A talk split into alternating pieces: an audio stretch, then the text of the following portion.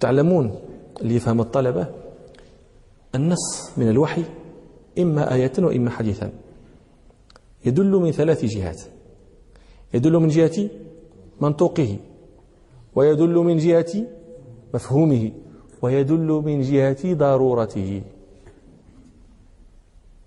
مثلا قول الله تعالى وأقم الصلاة. المنطوق الذي يستفاد في محل النطق من الآية. ما هو؟ الأمر بإقامة الصلاة وأقم الصلاة. المفهوم ما هو؟ المفهوم هو الدلالة التي تجيء وراء النطق. لا تؤخذ من النطق إنما تؤخذ من ورائه. النطق هو أقيم الصلاة وجوب إقامة الصلاة. المفهوم ما هو؟ تحريم ترك إقامة الصلاة. هل تحريم ترك إقامة الصلاة مأخوذ من النطق؟ لا كان يكون مأخوذا من النطق لو قيل يحرم ترك إقامة الصلاة. حينئذ يكون مأخوذا من النطق لكن لما قال ربنا وأقيم الصلاة كان المفهوم كان تحريم الترك مأخوذا من جهة المفهوم وهو دلالة النص دلالة ما في فيما وراء النطق.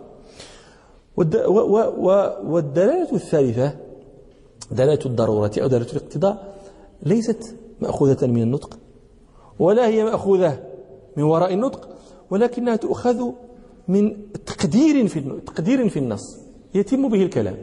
مثلا تقرؤون قول الله تعالى فمن كان منكم مريضا أو على سفر فعدة من أيام أخر. هذا فاش فاش جاء الكلام؟ في الصوم. فمن كان منكم فمن كان منكم مريضا أو على سفر فعدة من أيام أخر. ما معنى الكلام لابد من أن نفهم فمن كان منكم مريضا أو على سفر فأفطر فعدة من أيام أخرى. تفخيم.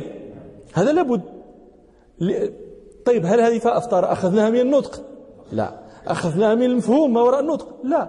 لكن أخذناها من تقدير في الكلام. لا بد منه. لماذا قلنا لا بد منه؟ لأن الإجماع على أن من كان مريضا أو على سفر ولم يفطر. صام. لا قضاء عليه. ليس عليه عدة من أيام أخرى. مفهوم؟ طيب. هذا قلنا تحدثنا عن المنطوق وعن المفهوم وعن الاقتضاء. المفهوم نوعان. مفهوم موافقة مفهوم مخالفة. ما معنى مفهوم موافقة؟ عندما يكون ذلك المسكوت عنه الذي يفهم من وراء النطق.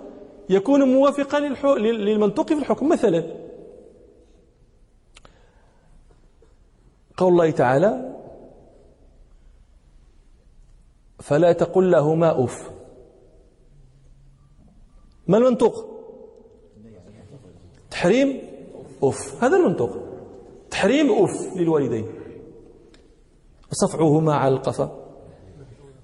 ماذا؟ جائز. مستحب.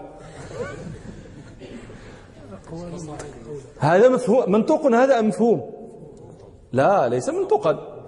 المنطوق هو تحريم أوف. هذا المنطوق.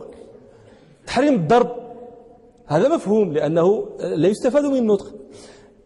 هل هذا مفهوم موافقة أو مفهوم مخالفة؟ هو مفهوم موافقة. لماذا؟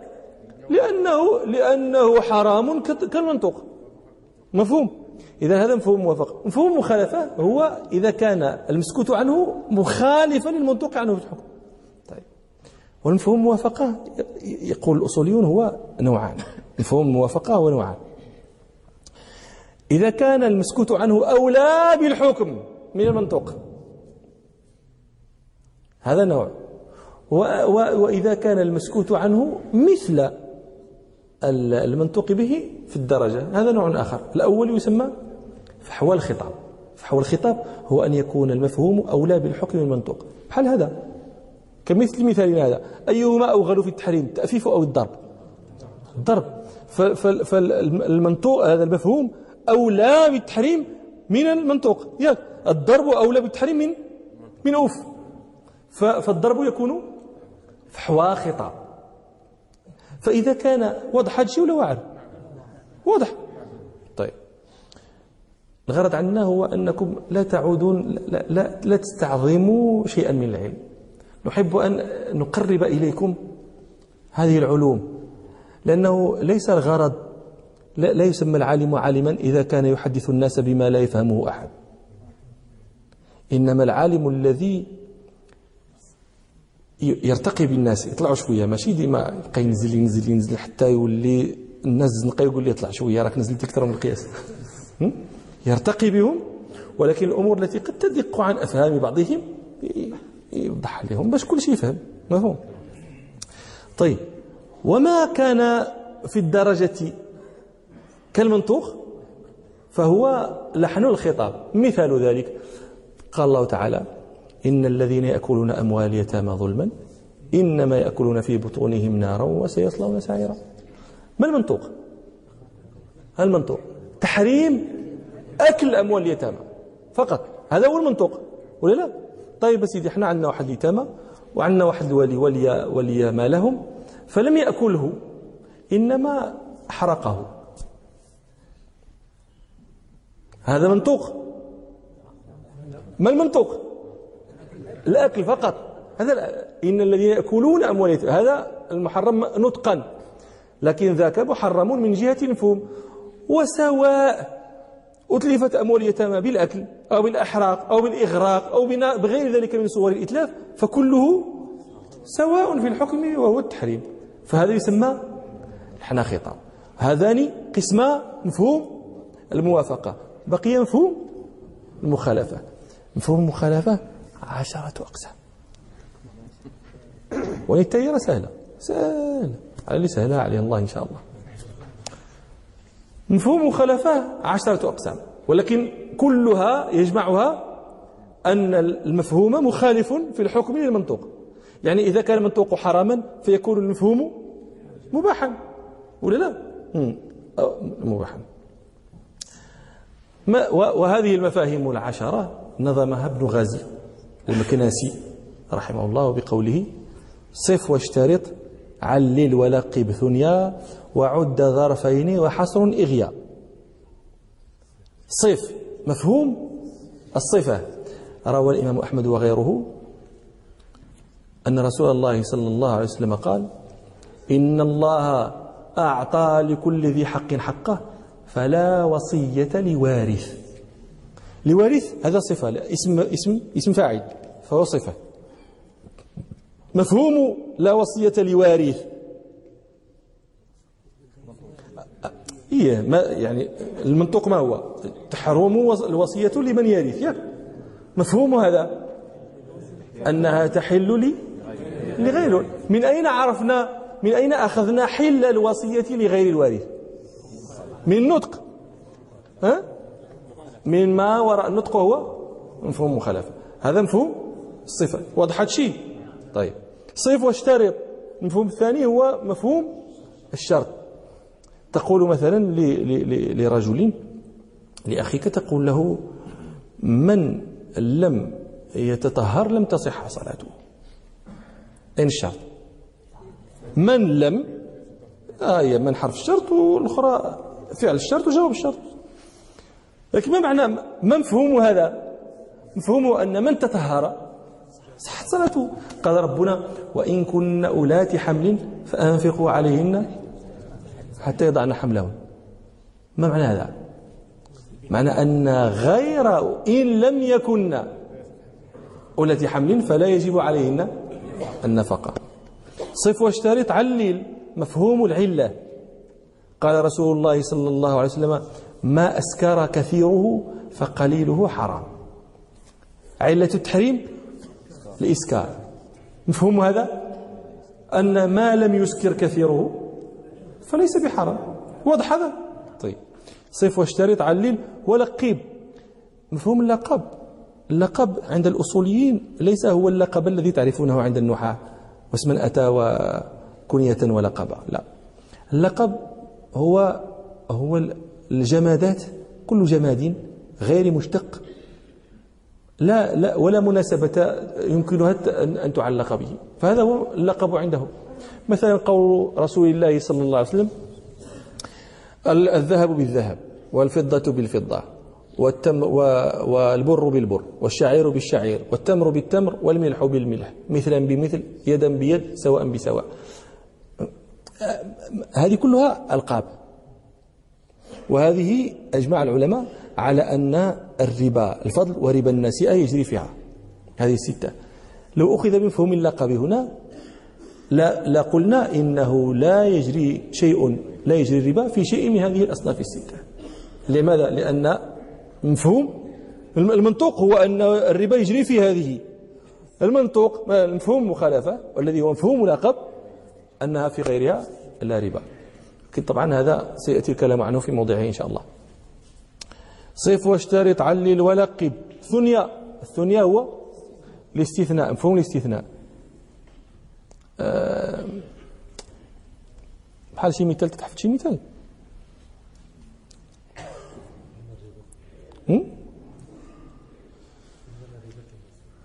لا هذا ماشي الاستثناء هذا الحصر آه. آه. مثلا قول الله تعالى إنما جزاء الذين يحاربون الله ورسوله ويسعون في الأرض فسادا أن يقتلوا أو يصلبوا أو تقطع أيديهم وأرجلهم من خلاف أو ينفوا من الأرض. ذلك لهم خزي في الدنيا ولهم في الآخرة عذاب عظيم. إلا الذين تابوا. ها, ها الاستثناء. إلا الذين تابوا من قبل أن تقدروا عليهم. النطق ماذا يستفاد منه؟ يستفاد منه أن هؤلاء الذين فعلوا ما فعلوا.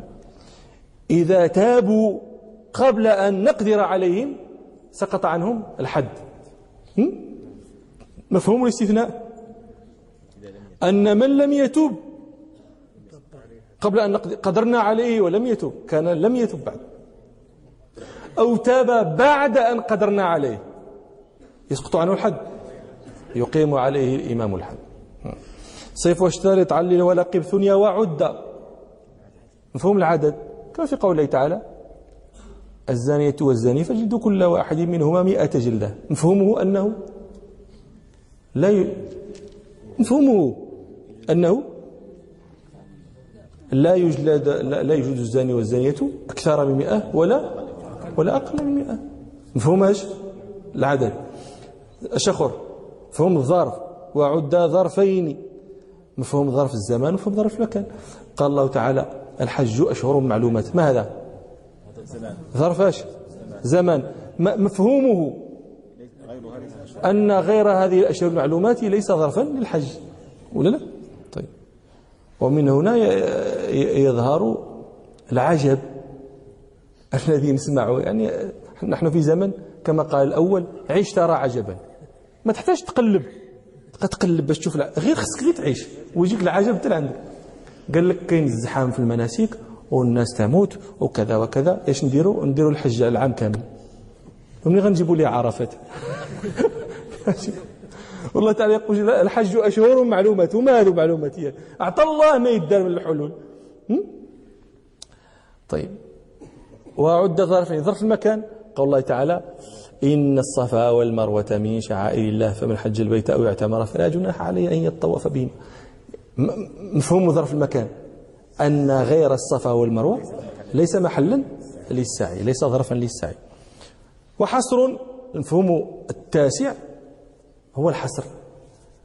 آه، كقول رسول الله صلى الله عليه وسلم إنما الماء من الماء إنما الماء من الماء إنما الماء الغسل من الماء المني. يعني إنما يغتسل من مفهومه أنه لا يغتسل إذا لم ينزل الإنسان. وطبعا هذا كان في أول الإسلام. قد تكلمنا عن هذا فيما مضى وقلنا إن هذا كان في أول الإسلام أن الرجل إذا جمع فأقحط ولم ينزل فلا غسل عليه لكن نسخ هذا بقوله صلى الله عليه وسلم إذا جلس بين شعابها الأربع ثم جهدها فقد وجب الغسل وفي رواية وقال وسلم وإن لم ينزل.